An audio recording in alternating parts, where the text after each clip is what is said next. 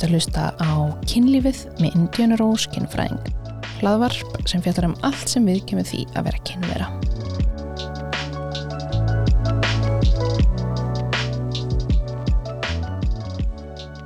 Herði, góðan og blessaðan daginn, Bjarki. Blessu og sæl. Nei, byttu, góðan daginn, doktor Bjarki. Skulum ekki gleyma því, það er doktor í húsinu. Meistar Indiana. Herði, segðu mér, hver er doktor Bjarki? Já, ég heiti semst Bjarki Þóra Granfeld og ég er lektur á háskóluna Björust og hérna starfa þar við kennslu og rannsóknir og ég semst lauk uh, doktorsprófi í stjórnmúlasólfræði í fyrra frá Uni- University of Kent í Breitlandi og þar bjó ég næstu í uh, fimm ár en flutti heim fyrir rúm ári síðan, einu og hálf ári síðan núna. Fimm ár. Já. Mér fannst þú sko hafa farið í svona tvö ár. Ég var bara vákuð, þetta er eitthvað stutt doktorsná. Já, En nei, ok, fimm ár. Það er mjög langt. Ok, þú varst, hvað sagði Kent. mhm. Stjórnmála sálfræði. Hvað hva er það? Já, það er vonu spyrir. Það er í rauninni svona e, fræðigrein sem að skoðar stjórnmálafræðileg hugtök með aðfrafræðum sálfræðinar. Ok, Þannig að þú veist, það er, við erum að hérna, skoða viðþorf og hugmyndafræði og bara skinnjun fólks á, á heiminum. Já. Hvernig við skiljum fyrirslu hópana sem við telum, hvernig við skiljum okkur sjálf, hvernig við tengjum við okkar svona fyrirslu hópa og hvernig við sjáum aðra hópa út frá þeim augum og svo framvegis. Ok. Er þetta tengt á svona félagssálfræðinni? Já, já. Mjög áhugavert. Við vorum sem sagt saman í BS-náminni sálfræði og það var engin stjórnmála sálfræði áfangið þar. Hvernig svona, hvernig leittustu út í þetta? Mm, sko, ég hef alltaf haft heilmikið áhuga á stjórnbánum og ætlaði nú held ég, sko, já, ein önnur leið hef, fyrir mig hefði verið að fara í stjórnbánafræði en mér fannst hérna sálfræðin bara mjög heitlandi. Að þú veist, þetta er svo, svo margt fjölbreytt þar undir, þú veist, þú getur fara frá hardcore biológiu yfir í miklu meira svona félagsleiri hluti og allt þar á milli, bara frá, þú veist, einni taugafrumu upp í hvernig allir heimurinn virkar. Alltaf átt gaman á tölum og það er mjög mikið á tölum í sálfræði. Og allt og mikið fyrir minn áhuga.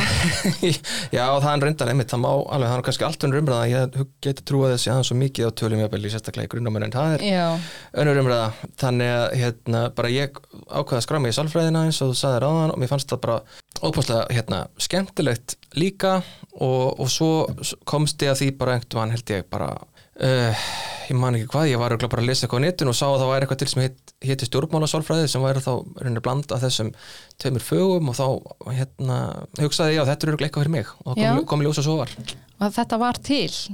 Blandað saman þessum áhuga sviðum þínum. Já, Ertu, ok, sem doktor í stjórnmálasálfræði, mm. eru flokkanir, eru þeir að ringja? Bara, jæja, nú er skandal. Hva, hvernig ég að græja þennan skandal?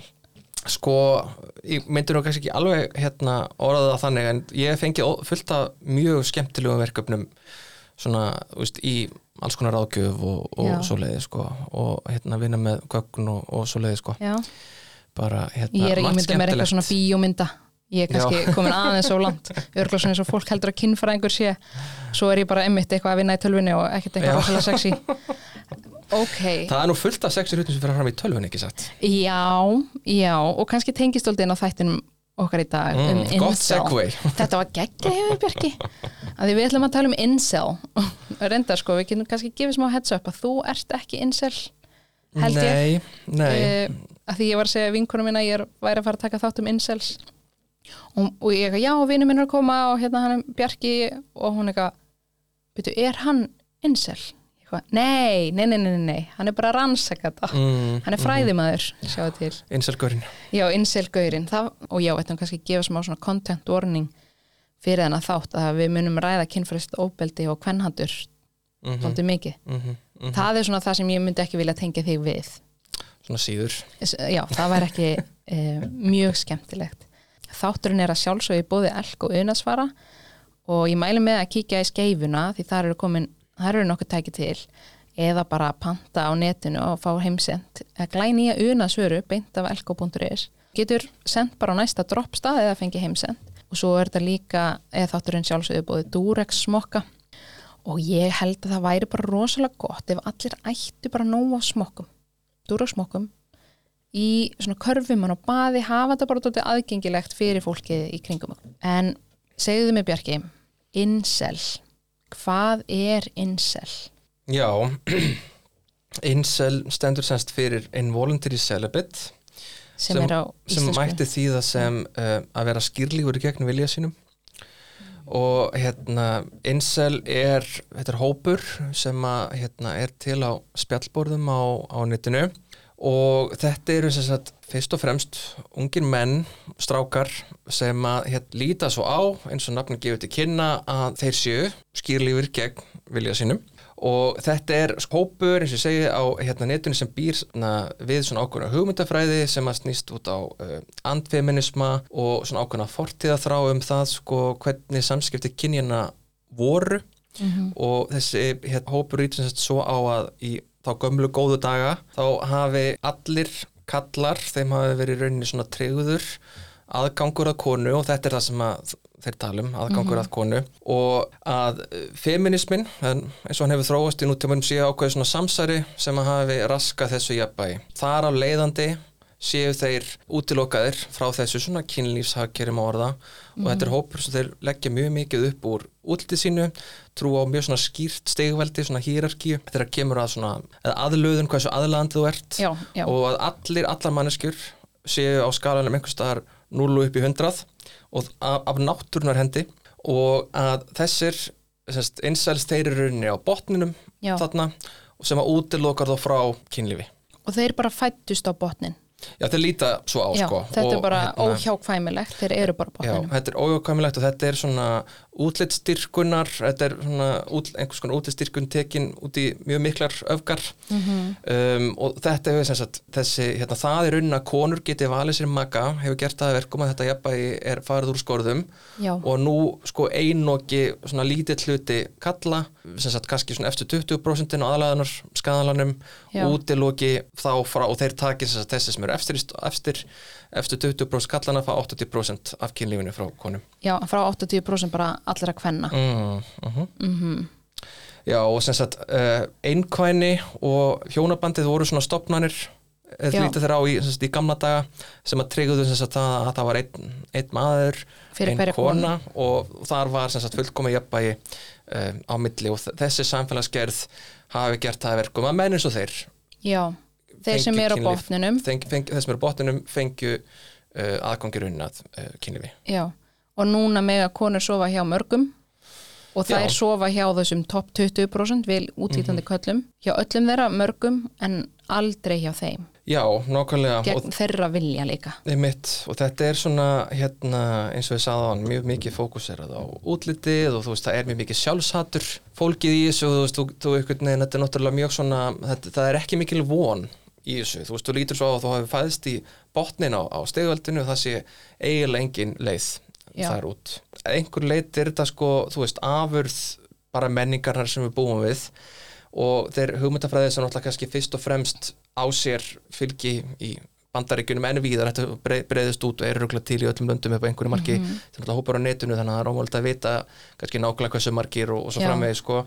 en þetta byggir svolítið á því að, að það séu ákveðnar vörður eða svona mælstónar sem allir eiga að ná Uh, allir kallar eiga ná þar að segja í hérna, þegar þeir taka út kynþróska og, og fara yfir á úlingsár og hérna fullorðnast og það er svona þessu ótt við það að þú veist, þú átt að vera búinn að na, eiga fyrsta kossin x ára gammal, átt að vera bara með þess að sveindum en x ára gammal kannski búin að fara í sleik 13 ára búin Já. að sofa hjá 17 ára. já, já, gifta sig tvítugur eða eitthvað. Já, og ef þú nær svoleiðis þess ekki þá ertu bara að missa lestinni já, það er engin sen setna Nei, í rauninni ekki og, veist, og þetta er við allir hérna, kannski aðeins að ræða það líka þetta er sko, þeir taka mikinn innblástu frá hérna, Matrix.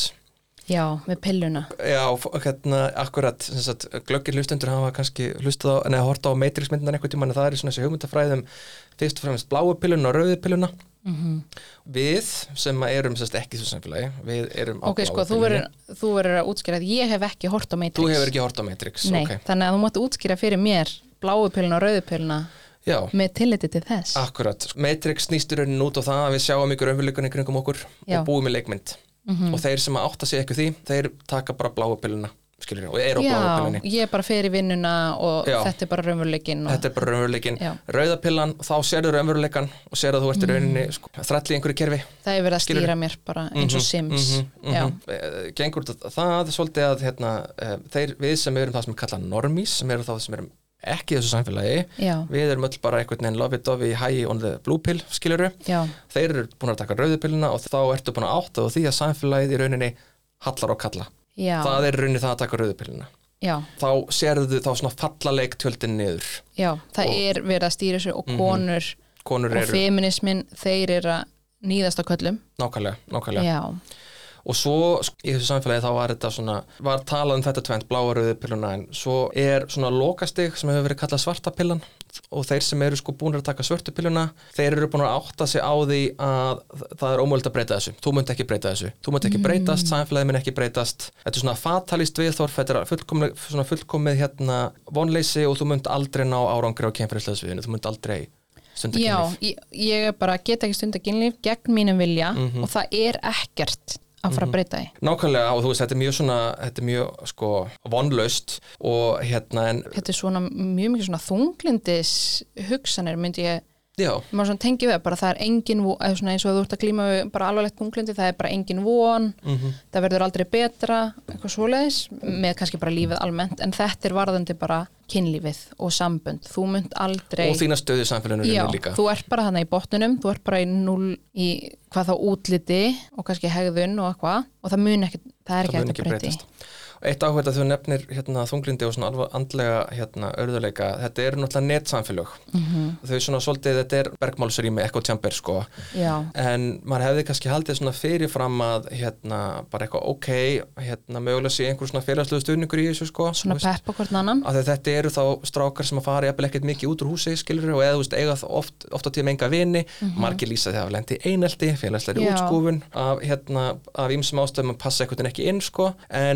ekki málið er að hérna, það er, þetta eru, eru, eru vond samfélög skilur þessar grúpur Og þá, þá er ég ekki endilega að segja að fólki á baku þessu allir vondir skilur en Nei, er, þeir, þeir rífa hvern annan niður Mhm. og fylla hvern annan náttúrulega bara gífurlegu hérna, vonlýsi og þetta er svona, svo mikil svona hvað er confirmation bias Svona þú bara stað, staðfestingar Já. villa Já. að því þú ferðan að þú ert bara, ó ég er umulega lífið er umulegt og ég er hérna gegn mínu vilja er ég celibate, ég væri nú til í ást Mhm. og ferðin á þessu hópa því ég fyrir hennar þátt, þá var ég að lesa fullt inn á þessum hópum Laðist þér og rannsóknar vinnu?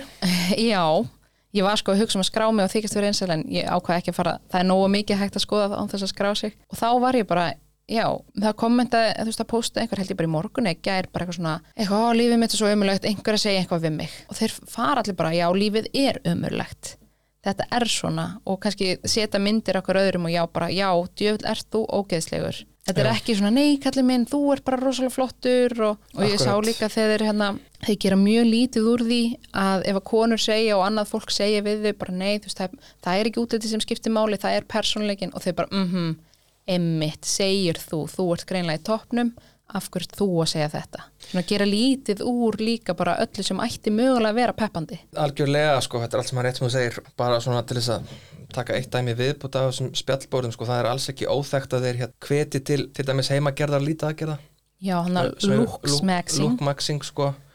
Og þú veist og þá hér, já, ein aðferði til dæmi sko að það því að þeir geru svo mikið út úr svona hefðbundnum hugmyndum um macho kallinn mm skiluru sem er þú veist með svakalega upp, upphandleggi og þú veist svakalega sixpack og þú veist allt þetta skiluru þess að eitru kallmennsku hugmyndur um já, hvernig já, já, og hérna æskilegt útlit er. Mm -hmm, og ein tilraun sem að þeir hveti gott annan oft upp í eru þú veist þessar heimagerur lítaðgerðu sem til dæmis að þeir leggja mikið upp á kjálkum líka svona, svona kall, hvað getur maður sagt? Mhm. Svona- kjálkalína. Já, svona mjög íkt. Mm eru dæmið það að þeir takin þú veist, hamar, berja sig í framann Já. til þess að þú veist náfram einhverju bólgu og brotum sem svo þú veist skerpi kjálkalínuna og, og þannig að það er alls konar sem færa hérna grassera á þessum spjallborðum ímessett sem manni kannski finnst svona kemur manni spánst fyrir sjónir en Já. það sem er kannski mikilvægt að hafa í huga er að eins og við sagðan þetta er oft mjög einangraðar einstaklingar sem eru þarna mm og þeir fá mjög gerðnar svona öllum sínum sálfræðilegu þörfum uppfyllt á netinu. Og við veitum að það er fullt af frábærum hlutum á netinu. Það er bara guð með góður hvað ég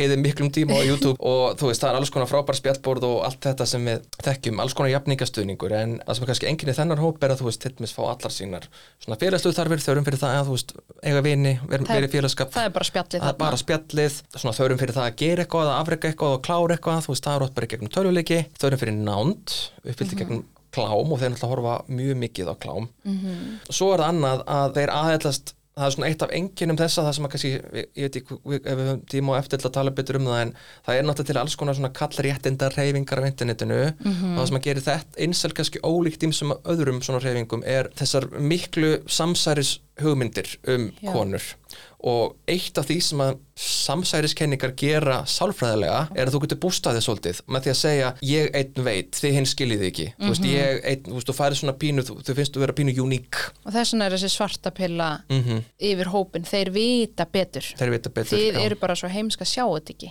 Rauðapillin er raunin þannig líka sko, því að svartapillan Já. hún kemur inn með svona þessu samt svona þessu vonleysum það Já. þú færið þess ekki breytt sko. þannig að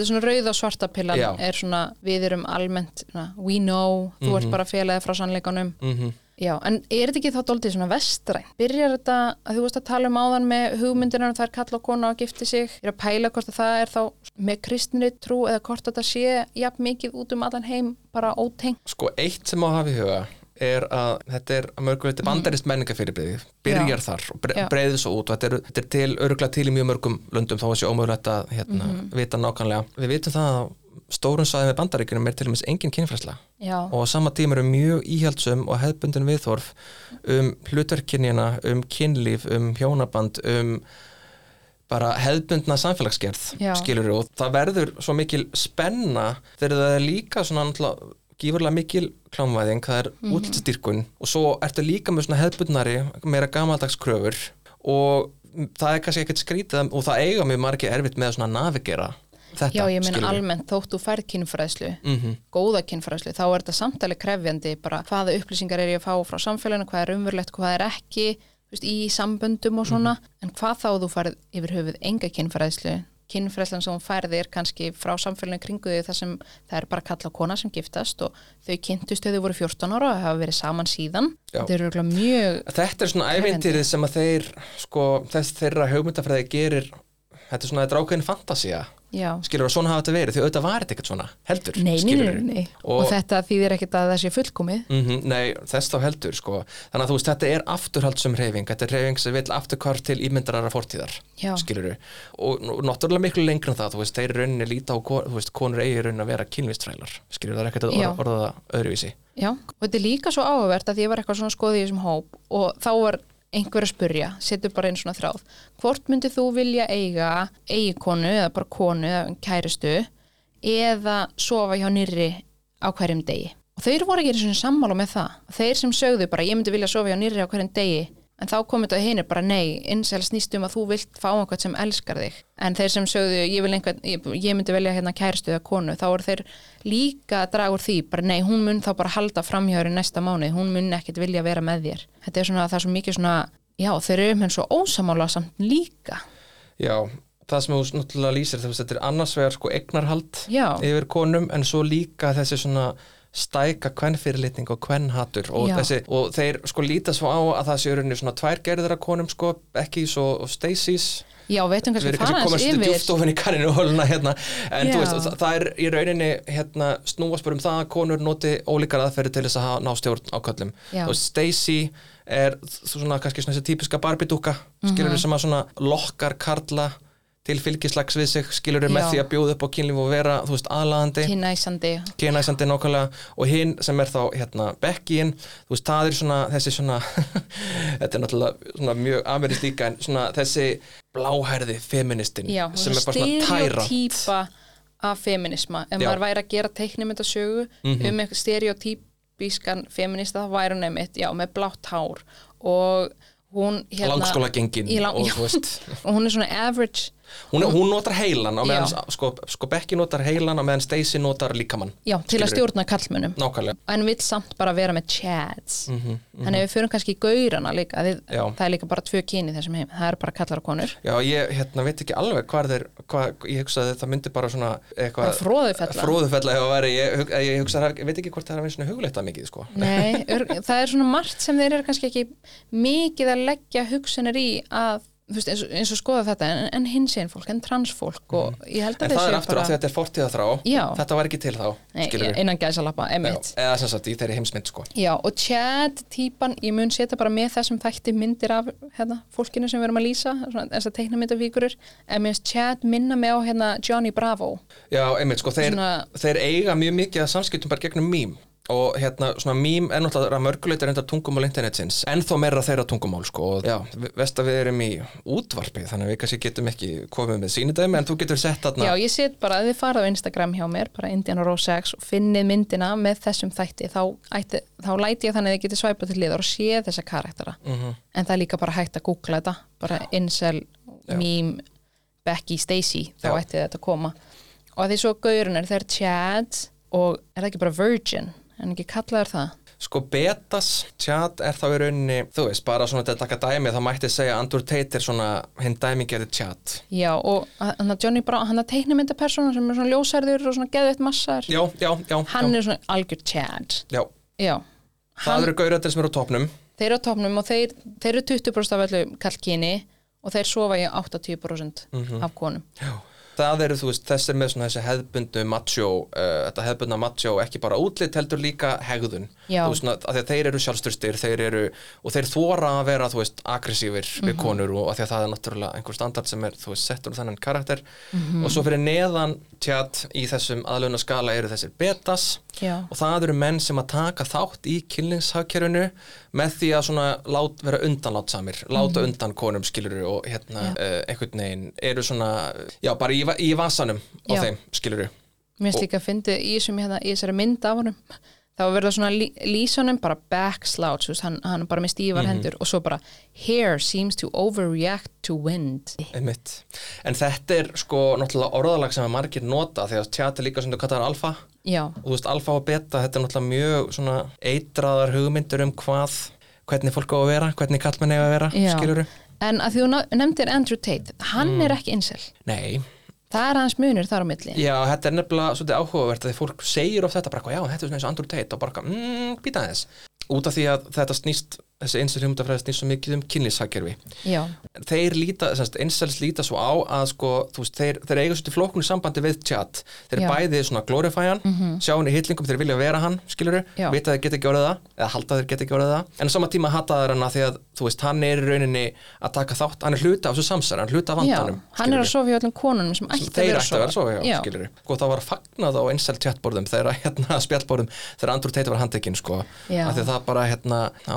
að það að það nánast þess að veri bara að losna við að vandamál við sko. ákveðin chat og þá eru fleiri konur mögulega markaðinum sem gætu vilja að sofa hjá þeim.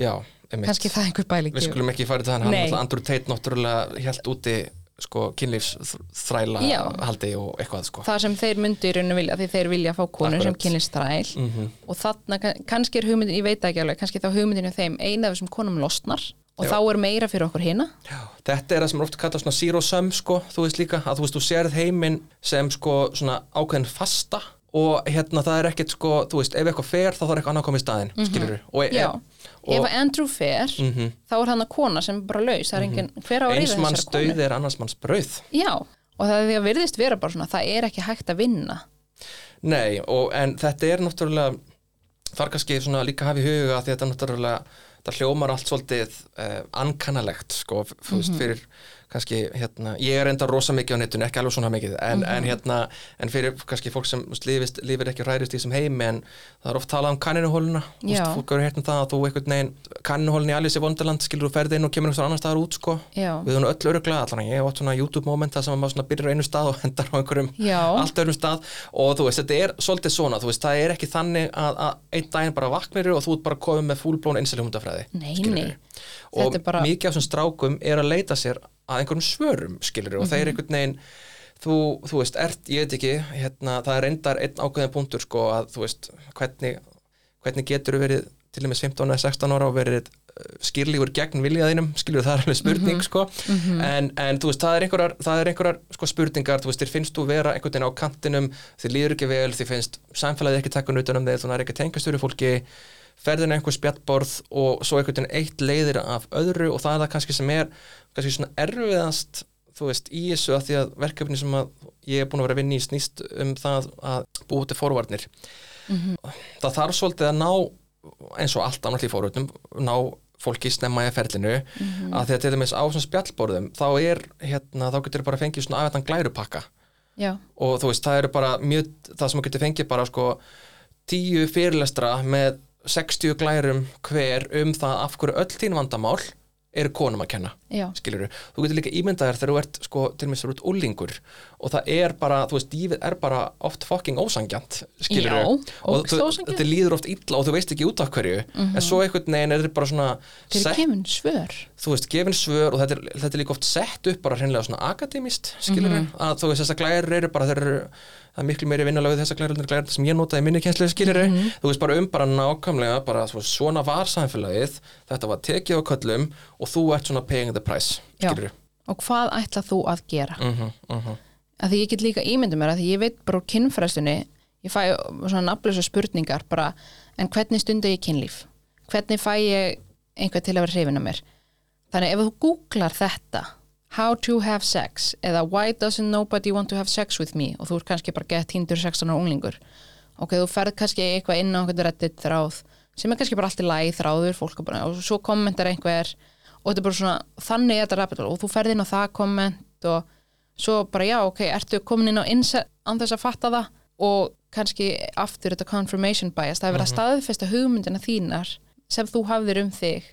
Að því mér finnst mjög áhugavert að skoða eins og hérna hann Elliot Rodgers sem var Já. stóri insel hérna reyfingunni sem framtir á drafölda fólki sko. svona mass shooting, hvað er það? Skot, skotárás svona fjöldaskot árás já, í bandaríkunum hans útlit það er ekki eins og hann þú veist, hann er alveg með svona við, samfélagslega viðukjönd hvað telst sem fallegt eða allt í lagi okkar samfélagi að í heimildanmyndinni sem þú bendir mér á að horfa á sem hérna hvað var, The Hidden World of Incels held ég hún, hún, heiti, hún er á Channel 4 hérna semst BBC Channel 4 já, hlustendur geta hérna glögga sig. Já, að því þeir eru að lýsa hvað er ógislegur kallmaður samkvæmt þeim. En þa- það er ekki eins og þeir líta einu sinni þannig út. Þannig að þetta er svo mikið það eru held ég bara mjög fáir sem rýta svona út þú veist í alvörunni já, og hvernig þeir lýsi þessu og hann er svo mikið svona líkamskinninaröskun hjá Þetta þeim, þeir bara það. ekki að, svona, það sem er body dysmorphia á ennsku mm já þetta er það þetta er hérna oft bara í einhverjum þú veist tengslum náttúrulega hérna við raunveruleikan og Mhm. já það er í rauninni bara náttúrulega rosalega sorglegt að uppfyll eða semst að komast á þennan stað Já. yfir höfuð sko ég held að þetta sé mjög mikil bara svona vannlíðan um, og örugla, þú veist, andlega veikind þú veist, tunglindi og kvíði og aftur var ég að tala við vinkunum en hún bara svona, já, þú veist, hvernig gerist þetta? Hvernig fer fólk ánga, en ég held að þetta sé ekkert einhvað þú vaknar eitt daginn og bara eitthvað, hei, ég sá þátt um insel í ger, ég ætla að fara, ég ætla að verða insel ég held sér bara Nei. kannski einmitt byrjar eins og þú nefndir aðan, kannski einelti og það er verið að félagslega útskoður þannig að þú einangrast kannski og ert heima mikið í tölvunni ekki kannski næra þig nóg vel og ekki reyfa þig og ekki hitta fólk þannig að þú ert kannski ekki með mikil tengsl við fólk svona í raun heiminum að því maður veit bara, þú veist, líka með snerting og tengsvana fólk, það gefur maður líka veliðnar hormón og allt það, þannig ég held að þetta sé svona snjóbolti sem fyrir mjög já. hægt af stað á mögulega mjög hættulegan stað. Algjörlega og það er hérna eitt sem að þú veist, mér finnst oft áhugavert að hérna hérna, rifja upp sko er að þetta, ég man ekki nákvæmlega hvaða ár sko fyrsta innstæri spjallborðið er opnað en það er sko 90 eitthvað. Mhm. það er langt síðan. Og þetta byrjaði þessi hugmynd um það að vera skýrljúri gegn viljasunum minn, voluntary celibate þetta. Byrjaði, sem sagt, þetta var kanadísk kona kringum 30 eða eitthvað svoleiðis. Uh, hún stopnaði þetta spjallborð fyrir fólk sem að hafði ekki átt í nánum samböndum, hafði ekki stunda kynlíf en vildi það og einhver hluta vegna gata ekki félagslegur öruleikar, uh, hérna, einhver andlega vingiti og svo frammeins og frammeins fólk sem að vildi tengjast en einhver hluta vegna gata ekki. Og þannig byrjar þessi bara þetta hugtak og þetta er bara rauninni bara mörguleiti falleg hugmynd. En svo koma í rauninni bara öfgasinnaðir kvennhatarar og svona hijacka þessu hugtaki sko. Af því að hérna, þetta er bara hérna, svolítið áhugaverð, áhugaverð byrjun finnst mér sko, mm Mhm. Þetta byrjar sem eitthvað svona Við- stuðningsnet fyrir konur. Já, í rauninni sko, ég myndi segja sko, þessi sko, stuðningsnets þráður hann, hann, hann er ennþá þarna, hann er, hún er bara verið umbreytt Já, skiluru, í bara hérna einhvers, einhvers konar svona svarta speilmynd af því hvað er, hvað félagslega stuðningur er skiluru, já, að, já að þetta er alls ekki stuðningur Mhm. á jákvæðan átt þetta er, hvað segir maður, neikvæði stuðningur? Bara hérna algjört nýðurif og eins og segja, sko, mjög margir sem eru þarna inni, þú veist, eru þarna af þessum ósum sem við nefndum áðan þú veist, það getur verið, hérna, látt sjálfströðst leita svörum og allt það, sko Mhm. og svo eru, hérna, án efa einhver þarna inni sem eru að reyna að vinna skada já Viljandi. bara eins og allstaðar í öllu samfélaginu það er alltaf einhver Mhm. sem er að beita ofbeldi og svo getur maður spurt sig af hverju og alls konar með það en að því mér finnst líka svo áhugaverð þessu svona mikla af mennsku væðing á bæði sjálfum sér og sérstaklega konum Mhm. það er þú veist bara female human Já, og hann einmitt. femoids Já, það er svona fe- female, femoid, það er hérna female human organism já, þetta er bara já, hérna sem aftur snýr sko, þetta svona undirstrykar sko, þennan fókus á svona líffræðalega en sensalisma, bara þetta Já. er líffræði og þetta er bara svona, skiluru og í þessu tilfelli eru þá í rauninni konur bara til þess að já, viðhalda mannkininu, skiluru Mhm. það er ótrúlega ógeðslegt hvernig er talað um konur. Og líka því það er, ég man ekki hvort ég nefndi það spurningan hann að allar eignast kæristu eða myndur þú sofa á nýra hverjum degi? Og hvað myndur þú gera ef þú myndur eignast konu? Þá er bara, já ég myndi nauðgina hverjum degi. Ég myndi drepa hana, ég myndi láta hana totta mig meðan ég er að horfa á sjómarpið en Þetta er náttúrulega bara ofbeldis órar sko. já, en svo voru er- sem- sögðu að því að spurningin var, þú veist, eða kemur kona bankandi upp á dyrnar þínar, bara fullkomna kærastan og þá voru alveg sumir bara, ég myndi ekki vita hvernig ég ætti að tala við hana þeir eru örglega með eitthvað svona félagskviða líka erfið massívan. með samskipti og já. hérna hafi ekki fengið svona færni þjálfun í því hefðu kannski þurfta eða, já, bara kannski mikla áfallasögu sjálfur og leita sko. svörum og í mikill vanlíðan ekki það að sé afsökun fyrir þessu en það er kannski frekar útskýring Þetta er- maður ver- maður verður náttúrulega alltaf að sko, leita skýringa sko, og ég Mhm. í grunninn um, glýmir náttúrulega stór hluti þessu hóps við bara svona mjög alvarleg félagslega vandamál skilur bara eins og í hérna, þessari mynd sem við vísar í áðan, The Hidden World of Incels þar fer hérna þessi blaðamaður og, og sagt, kemst í samband við einn incel í Breitlandi, þeir taka upp einhver hérna, samskipt og hann fer og hittir hann og hérna ræður við hann og þar koma fram öll þessi viðþór sem að þú hefur líst og, og líka þessi sko sannfæring um það að í dag það mátt ekki tala við konu því hún mun sakað um að þú, þú veist, hafir hérna reynd að beita sig kynfyrslu ofbeldi og hann Og- er bara í alvörinu samfærður og hann er alveg sannfærir um og það hann er bara, þú ekki hrættur um að við förum að nút og þær munum bara kæra okkur? Já.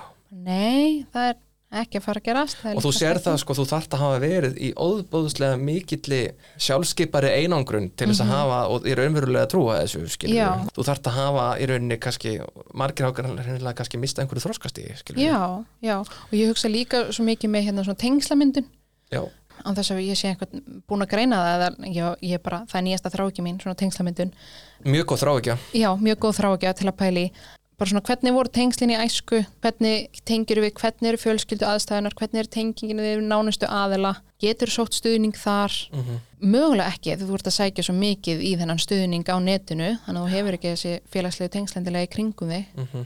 þetta er held ég bara mjög svona einmannleg tilvist sko. Já, en það má, hérna, ég veit ekki hvort að megi hérna, spoila þessum þætti en semst, þessi blaðamaður, eða þessari mynd, þessi blaðamaður semst, fer með þennan unga mann á pöppin eins og maður gerir þegar maður er í Breitlandi Mhm. og hérna svo aðtökast þannig að þeir fara og tala við einhverja stelpur á næsta borði. Mhm. og þá sá maður bara í svipnum á manninum eða þessum strák já, bara hvernig heimsmyndina svolítið hrundi. Já, og þetta kom hann svo óvart Og að hann líka bara, bara- bara tala við þær og þær væri bara rólegar skilur að því hann var líka, ætlar að bara tala við hann á fyrir bræði ég ætlar að, chat, ætlar að vera chat Mhm. að tala við hann á fyrir bræði og hvað og svo kemur hann að sest hjá þeim og er að tala við og hann að spurja og maður sér hvað hann er kvíðin að spurja hann á erfitt með að mynda setningarna sínar hann er með svona glósur Mhm. búin að skrifa hjá sér og tekur það upp og er, og er um þetta að spurja um þetta með hæðina bara sk- skiptir hæð þig ekki Einmitt. máli og hann eitthvað, nei, það, ég pæli ekki rosalega mikið í því, það er ekki það sem skiptir mestu máli og nei, nei, elsku kalli minn bara nei, nei, með að hann bjóst við að hún væri bara að fara að kæra hann fyrir ofbeldi Já, eða og- myndi svara þessari Einmitt. spurningu já,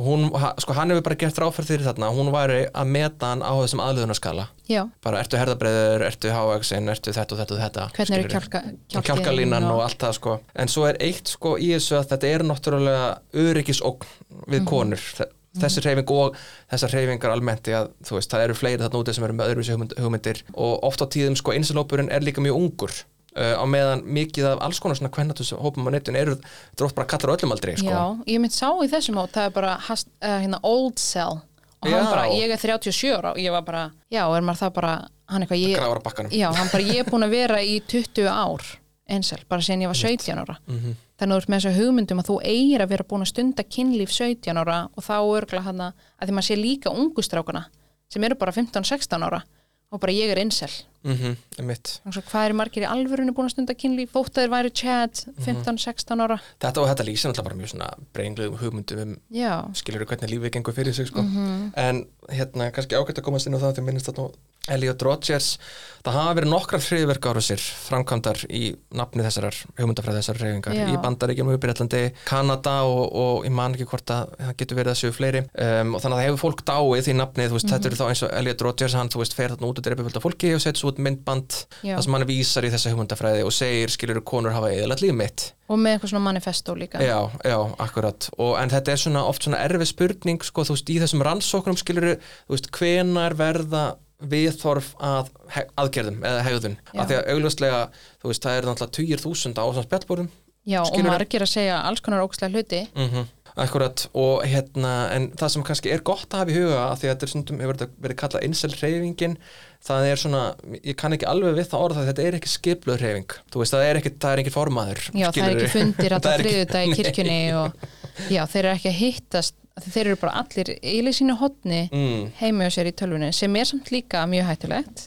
Algjörlega, sko, þetta er svolítið stundum pínu svo köld eða sem stjærtrúasöfnur af því að þeir svona, það, það er engin beitt liðtögi en þeir eiga svona, hérna, fyrirmyndir ég ætlaði að segja hvað er ískorðið? Martyrs, hérna, píslarvotta, þeir píslarvotta sagt, og þeir til mér styrka Elliot Rodgers og hann er svona, þeir dyrka hann svolítið bara eins og, bara frelsarinn sem stegi til himna, hann er náttúrulega dáinn núna, og hérna dó í nafni málstæðarins, þú veist, þetta er bara eins og pólitísk hugmyndafræði. já, já bara Jésús dó fyrir syndir okkar til Nákvæmlega. að hérna, frelsa okkur eitthvað, svo, veist, og hann gerði bara það. Mhm, hann tók af skarið. Já. En sko það sem að við í mínum rannsóttunópi höfum verið að reyna að gera. Vonandi heyrast einhver tíðindi fyrir því uh, fljótlega en sérst við erum að hanna hérna tölvuleik sem er hannaður svona til þess að hjálpa ungum, ungu fólki, ungu mönnum að svona bera kennsl á svona upplýsinga óreiðu og samsæriskenningar. já, Þarna tökum við í rauninni sko innblástur frá eh, hérna, rannsóknum á því hvernig er hægt að vera með svona forvarnir gegn því að eh, fólk þróum með sér samsæriskenningur um bóluefni til dæmis Já, og annars já, konar samsæriskenningar. Og það er svolítið áhugavert sko það er hérna, þetta er kallað inoculation, eh, in- inoculation theory eða bólusetningarkenningin. Að sko þetta rauninni virk, virka bara eins og sálfræðileg bólusetning. Að með því að setja veiklaða útgáfu af vírusnum, sprautunum minni líkamann að þá kennur líkamann um að, að takast á við Mhm. vírusin ekki satt. Og það er rauninni virkar mjög svipað að láta fólk glíma við veiklaða samsæriskenningu, gefa þess samsæriskenningu já, og hjálpa þess út í bankana, skilur já, já, og hérna, þú veist, þetta er svona þessi fórværdar hugmyndum að þú veist, við viljum að því við vitum það að það er svona þetta samsærisugafar sem er áttu þáttur fyrir insel hugmyndir mhm, og þú veist, ef við náum fólki þar í ferlinu, veist, þá getum við stoppað þetta spíral niður, Já, sko. en að snjóbolta sem fór hérna, fóst úr hérna Why can't I have sex eða How to have sex yfir Já. í. Fólk ánáttúrulega bara almennt að hugsa vera kannski skeptískur að hugsa, heyrðu, það er verið að ruggla með mig hérna. Þegar þú ert komin mjög djúpt ofan í YouTube Já, en að því það sem hérna, mér finnst líka svo áhugavert hugmyndir um kynlíf í þessum hópum um, og að því þátturinn er búið elka og unasvara þess vegna fór ég að pæli þessu. Ég fór að leita uh, hugmyndir að varðandi kynlífstæki og svona unasvara og ég fann e- eitt þráð uh, þar sem einhver var að spyrja um eitthvað með hérna rungmúfur þar sem komið svo óvart að þeir voru actually þarna að gefa gagleg ráð með rungmúfur bara, hérna, sexologist approved. Já, ég var alveg, já, og hann bara, já, þú voru að passa, hreinsa það vel og þurrka vel á milli og nota sleipefni og ég alveg, nó, ekki það, þú voru margir alveg, nei, fáið þinn, þetta er ekki alvöru og þú ert bara auðmiki en líka konur mega auðvitað alls ekki nota kynlistæki.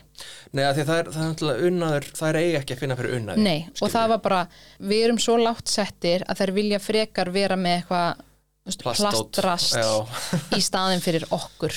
Já. En Bara- veist, þetta náttúrulega lýsir líka bara þessari svona bænari hugmynd um, þú veist, hvernig hérna, samskipti kynni og eða virka Já. skilur þetta er, já. Þegar ég var að lesa, ég bara, ég ætla að fara að kaupa mig nýtt tæki af því að ég er brjáluð.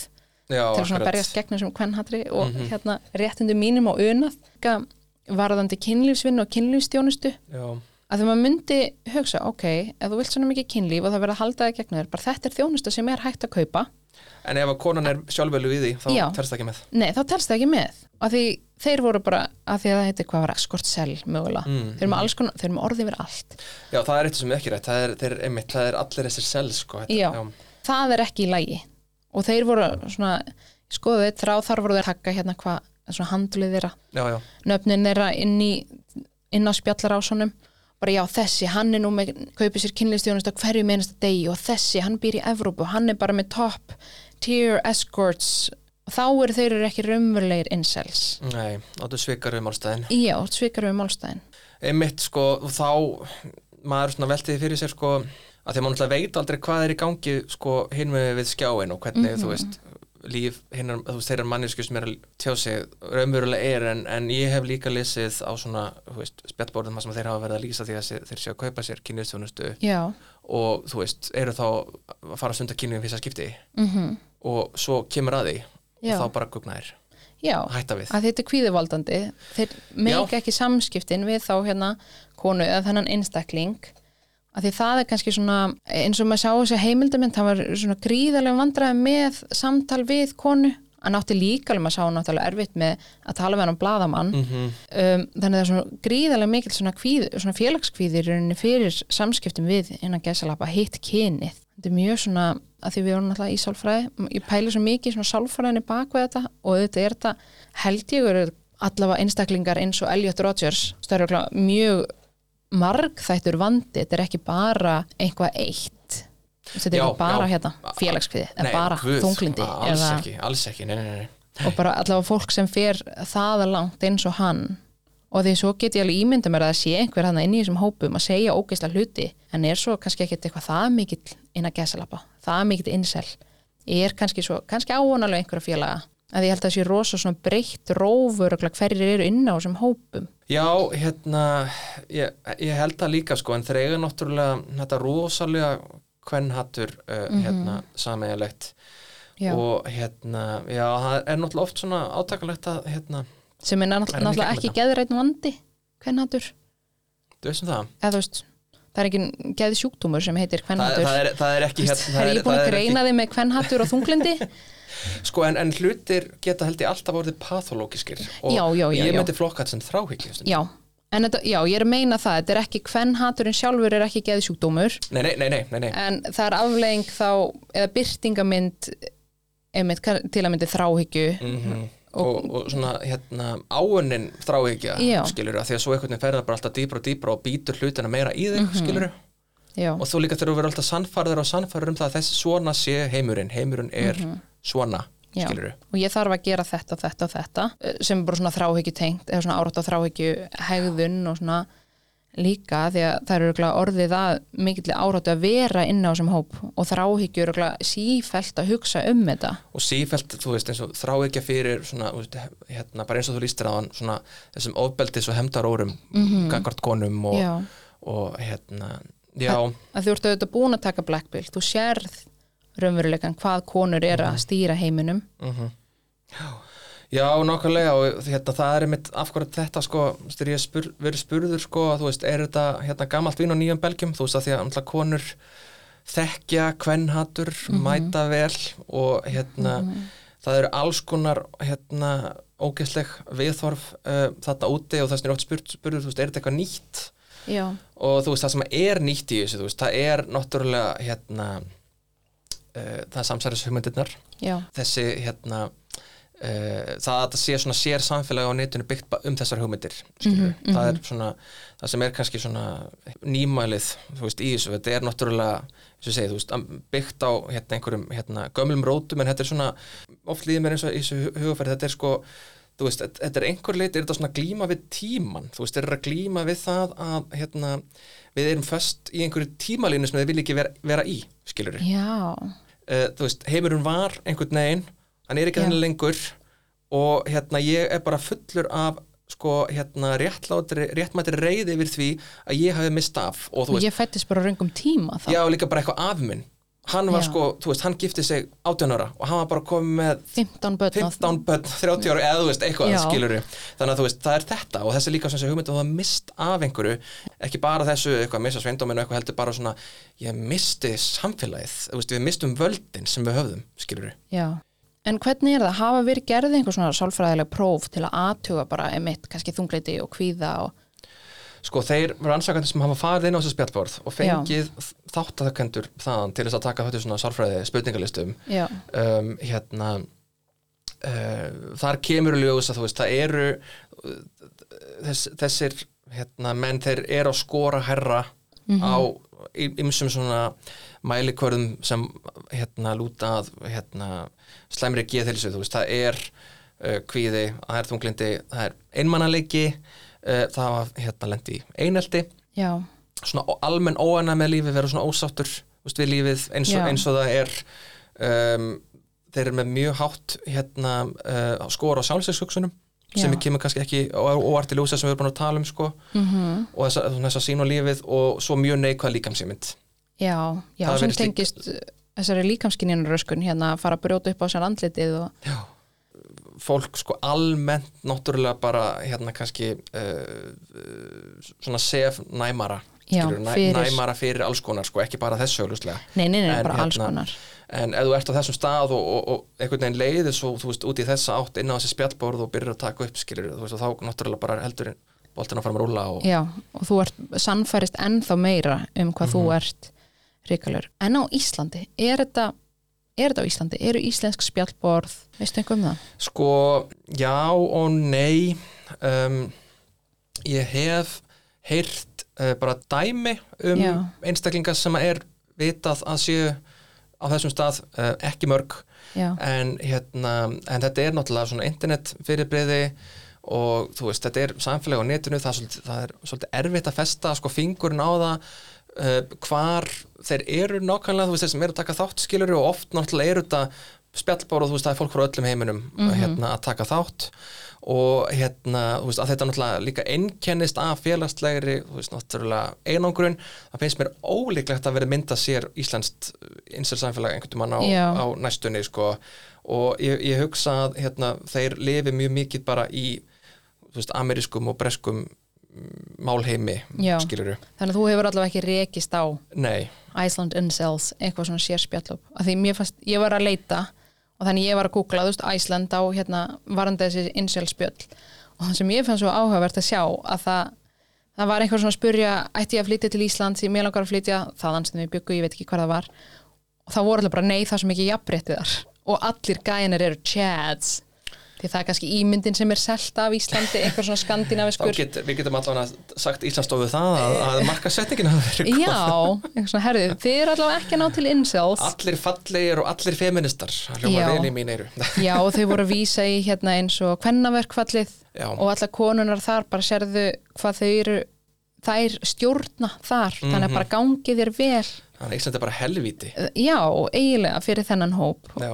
allavega virtist vera Ég er það. oft pínu svona, verð alltaf pínu var um mig sko þegar ég heyri svona talað um Íslanda því að mér finnst nefnilega vilningar eigum ekki að fá að heyra þetta því að það býr til mér svo mikið roka í okkur. Ég veit að við erum ótrúlega hrókafull með hvað allt er fullkomið hérna og það er engin rasismi, maður er eitthvað, nei, hann er svo kerfislægur, það komast ekki ekki. kynþættir hérna, það er svona sérðan ekki. Það er svona finnst þér ekki verið rasismi?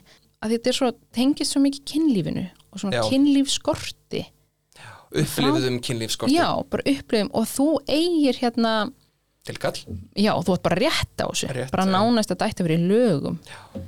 Já, hérna það bara, við vitum og það náttúrulega er ekki, þetta er kannski auðvitað kannski, hérna, öfgafylsta byrtingamyndin hjá incels en, en þetta er náttúrulega fyrirbrið sem vel þekkt, svona male entitlement, skilur við mér finnst það líka áhugavert að því að ég svona hérna hustle cu- culture veistu hvað ég er að tala um, svona gerðu þetta og þetta og þetta og þá færðu konu. Þú Já. þarft að haga þér svona, svona, svona svona. masters. Já, svona, Já. já, grunnhugmyndin er að þú átt á skilið konu, þú þarf bara aðeins að læra inn á hana til að þú færð þetta. Þú ert að læra stíga ákveðin mögunadans já, það er raunina sem það gengur út á. Já, en grunnunum bakvið er þetta lága sjálfsmat að þú hefur bara svo litla trú að sjálfum þér og það er svona þarft að gera þetta og þetta og þetta og ef þú bara haga þér svona og konur eru svona, Já. þú getur heitlað þær með því að Já. dansa þennan mögunadans eins og þarna Já. páfugletnir og eitthvað skilur við Já, þær virka bara svona, þær virka allar svona Já. og þær eru allar eins og þú þarf bara, já, læra þessi skref og þetta er mjög svona, þetta er alveg svona billion dollar business mm já, já, að selja karlmönnum með lágt sjálfsmat þessar hugmyndir. Já, bara taktu þessi skref, þá mynd þú fá konu. mm já. Bæði til kyn, þú veist, og svo er mismöndi hvort þú vilt, hérna kynlíf eða maka, þetta er svona, svona djúb stæður hvern hattur en ég held að fólk átti sig ekki einu svona á því. Ég held að menn og bara fólk sem er eitthvað að skoða svona how to get a woman to like you á, á Google er ekki að átta sig á grunn hugmyndinu þar bakvið að Mhm. kona sé einhver vara sem þú átt bara skilið og þart sé bara einhverju vél þú ert bara ít og réttu takkana svolítið. Já, þá hoppar hún í gang og hoppar á þig og sannfærist um að þú sért bestur í heimi. Um, að ég með hennar forvarna, að því verkefni ykkar snýrar raun að forvörnum að ég, þá fór ég að hugsa út í hérna, hvað er þetta, oft kalla íslenska leiðin, það sem er verið að efla hérna bara tómstundir og samveru með fjölskyldu og alla þessa þætti sem þú veist öruglega hvað ég er að tala um. Er, er það þá partur af þessur forvarna vinnu? Svona almennt Já, já, sko bara hérna allur uppbyggilegur félagsstöðningur það er bara Já. hérna klárlega hjálpar sko Já. en ég held líka þú veist, við erum bara komin á þann held ég staðið samflæðinu að það er hérna um, það þarf líka þú veist, bara gera hérna miklu betur og þú veist, það er fólk eins og þú sem er að vinna í því, þú veist, að fræða, skilur Já. þú veist, það er svo mikið að bulli þarna úti Ótrúlega sem mikið. þarf að afrugla, skilur og það er náttúrulega kannski, hefur náttúrulega kannski verið langt best að þurfi ekki að standa í því en, en Mhm. við erum hér. Og hérna, þannig að þú veist, jú en ég held að það þurfi alltaf að vera svolítið targeterað á hérna þú veist, kallmennsku hugmyndir mm Mhm. nærgetni í samskiptum virðingu, þú átt ekki tilkall til neins, skilur allt þetta bara þú fáðu samþykki og hérna já, Og- hvernig samþykki lítur út. Og nákvæmlega, nákvæmlega. Þannig ég held sko að, að við þurfum líka svolítið að vera þar sko. Já, já, þetta er svona, þetta er klárlega bæði saman. Þetta, þú veist, þetta eru forvarnir, bara félagslegu stuðningur og bæta það. Og við kannski á Íslandi það er með allt öðruvísi landslag með það með að við eins og til dæmis bandaríkjunum. Því við erum með félagsmiðstöðar og það er mikið kannski forvarnastarf í íþróttum og svona hér sem, þú veist, það er ekkert svona félagsmiðstöða dæmi eins og í, í bandaríkjunum til dæmis. Já, það Ekki er þá bara kirkjan í þínu svona community sem er, þú veist Já, þetta er ekki svona sko. bara þannig sé tengt skólakerfinu. Þetta er ofta tengt einhver svona trúalegu stopnun og ef þú ert að sækja stuðning í þessa trúalegu stopnun sem se- selur þér kannski ennþá frekara hugmyndinar um að konur og gallega að vera saman og þau bara gifta sig. Þannig að það getur svona flækt þetta dóltið og pluss Mhm. kynfræsla pluss þetta, það sem þið eru að fara að vinna.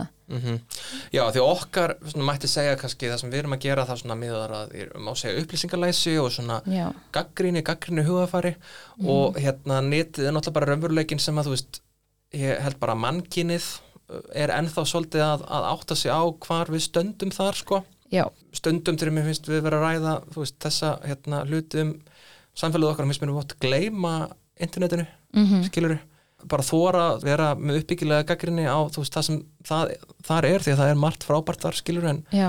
margt miður gott. Mm miður gott líka. Og þú veist, ég hef stundu sagt að fólk er að spyrja sko, þú veist, og hvað get ég gert? Og ég held að kannski það sem svona hver og einn getur gert væri bara svolítið að fylgjast vel með fólkinu í kringum sig skilur, mm veist, er sérstaklega eða þú ert með hérna þá ungan strák sem að þú óttast að geti farið þess átt sérst- sérstaklega skilur Já, að hérna bara, já, fylgjast með hvar bara, hvað er í gangi veist, í tölunni, tala Já. við tala við hann, skiluru uh, bara að veita svona hérna, bara eins hérna mikinn stuðning og, og hægt er. Uh, auglustlega ef við stendur ógnað viðkomandi þá, þú veist, nei, þá ertu ekki endilega að fara þá þarftu að hérna fara hérna aðra leiðir. En sko einhver af þessum einsels eru mögulega gerendur framtíðarinnar sko mm þannig að það þarf að hérna, hafa þau að það er að taka svo alvarlega ef að þetta eru innan geðsalva kynfræðslan sem þú færð Mhm. frá kannski 13 ára aldri um að svona eiga og eigi og megi koma fram með konur, þá er Mhm. bara mjög líklegt segjum að þú kemst í einhver samskipti við konu tvítugur, þá eru mjög brenglað orðin hugmyndiðin um hvað má og hvað má ekki og hvernig kynlíf á að líta út. Já, og það er náttúrulega hérna, allar þessar, eins og ég nú reyndar oft hlusta á þig, eh, einmitt talum þú veist þess að fyrirfara á gegnu hugmyndur um það hvernig kynlega vera og hvernig Já. fyrsta kynlífsreynslanlega vera og hvernig handritið á að vera já, og, handritið, akkurat sko. Og handritið sem þeir fá á þessum hópum ef, ef að kynfræðslan þeirra er klámið og þessir hópar akkurat. þá er handritið að fara að vera mjög, mjög Bara það sem þú vilt og kannski Niðurlæging, alls, já, niðurlæging, og- alls konar hugmyndur að því þeir emmitt þetta með miðlalæsi að því það vantar svo oft í klám áhorf. Miðlalæsi að vera gaggrinn að vera, já þetta er hérna framleitt aðþrengrefni, það er handrit, það er ljós það er einhver leikstjóri einmitt, sem þau sjá ekki nei, nei, nei, og sjá enga umræðu. Og þetta er náttúrulega bara, þú veist, raunveruleikin að aðgengið er svo óðbóðslega mikið og hérna mögulega ætti það að vera minna skilur Mhm. en það er bara svona þannig að það þarf að takast á við það skilurðu. Já, og tala um það og fræða um það Mhm. og eiga samtal einmitt við Nákvæmlega. þessu ungu stráka sem eru kannski í áhættu, þessum áhættu hópa Mhm. mögulega detti þessa kannunhólu og líka ef, að, ef það er einhvað ungt fólk að hlusta, ég veit það ekki að vera vakandi fyrir við erum út fólk Já, við erum, við erum, við erum ókslega ung Nei, ég var að hugsa um unglinga Ég veit ekki hvort að þau séu alveg markhópurinn að hlusta þennan þátt En mögulega að vera vakandi fyrir þú ert að heyra viniðin að tala svona. Já, að tala við einhvern fullur og láta það vita bara, herri, ef við fórleitt bara, herri, hann, hérna Siggi Palli hann er alltaf að segja þetta og hann, veist, hann hefur verið inn á þessum hópum og að því að hann er kannski ekki að tala við fólki sitt um hvað hann er að gera á netinu. En þau heyra oft svona frá hvort öðrum og líka bara fóreldrar ef þau heyri frá banninu ykkar að einhver í bekknum eða einhver vinur sé að láta svona að ræða við skólan eða ræða við barnavend í sveitafélunum þínu og fá aðstóð að þetta sé gripið einmitt snemma eins og þið, þú segir með upp á forvarnir og mm ánast komin allt og langt í þessa hólu Já. en eitthvað meira sem þú vildi bæta við? Mér finnst þú bara hérna, enda þetta á þessari briljant ræðu. Já, þess að einræðu E- eldræðu um kynfræðslu. Já, en ég ætla að segja þá bara takk fyrir að koma takk fyrir að bjóða mér, þetta var mjög skemmtilegt. Já, það mjög gaman því ég er í þessari þráhyggju núna já, við sjáumst það bara í næstu þrá ekki já, ég hef samband við þá. Herru, takk fyrir. Takk fyrir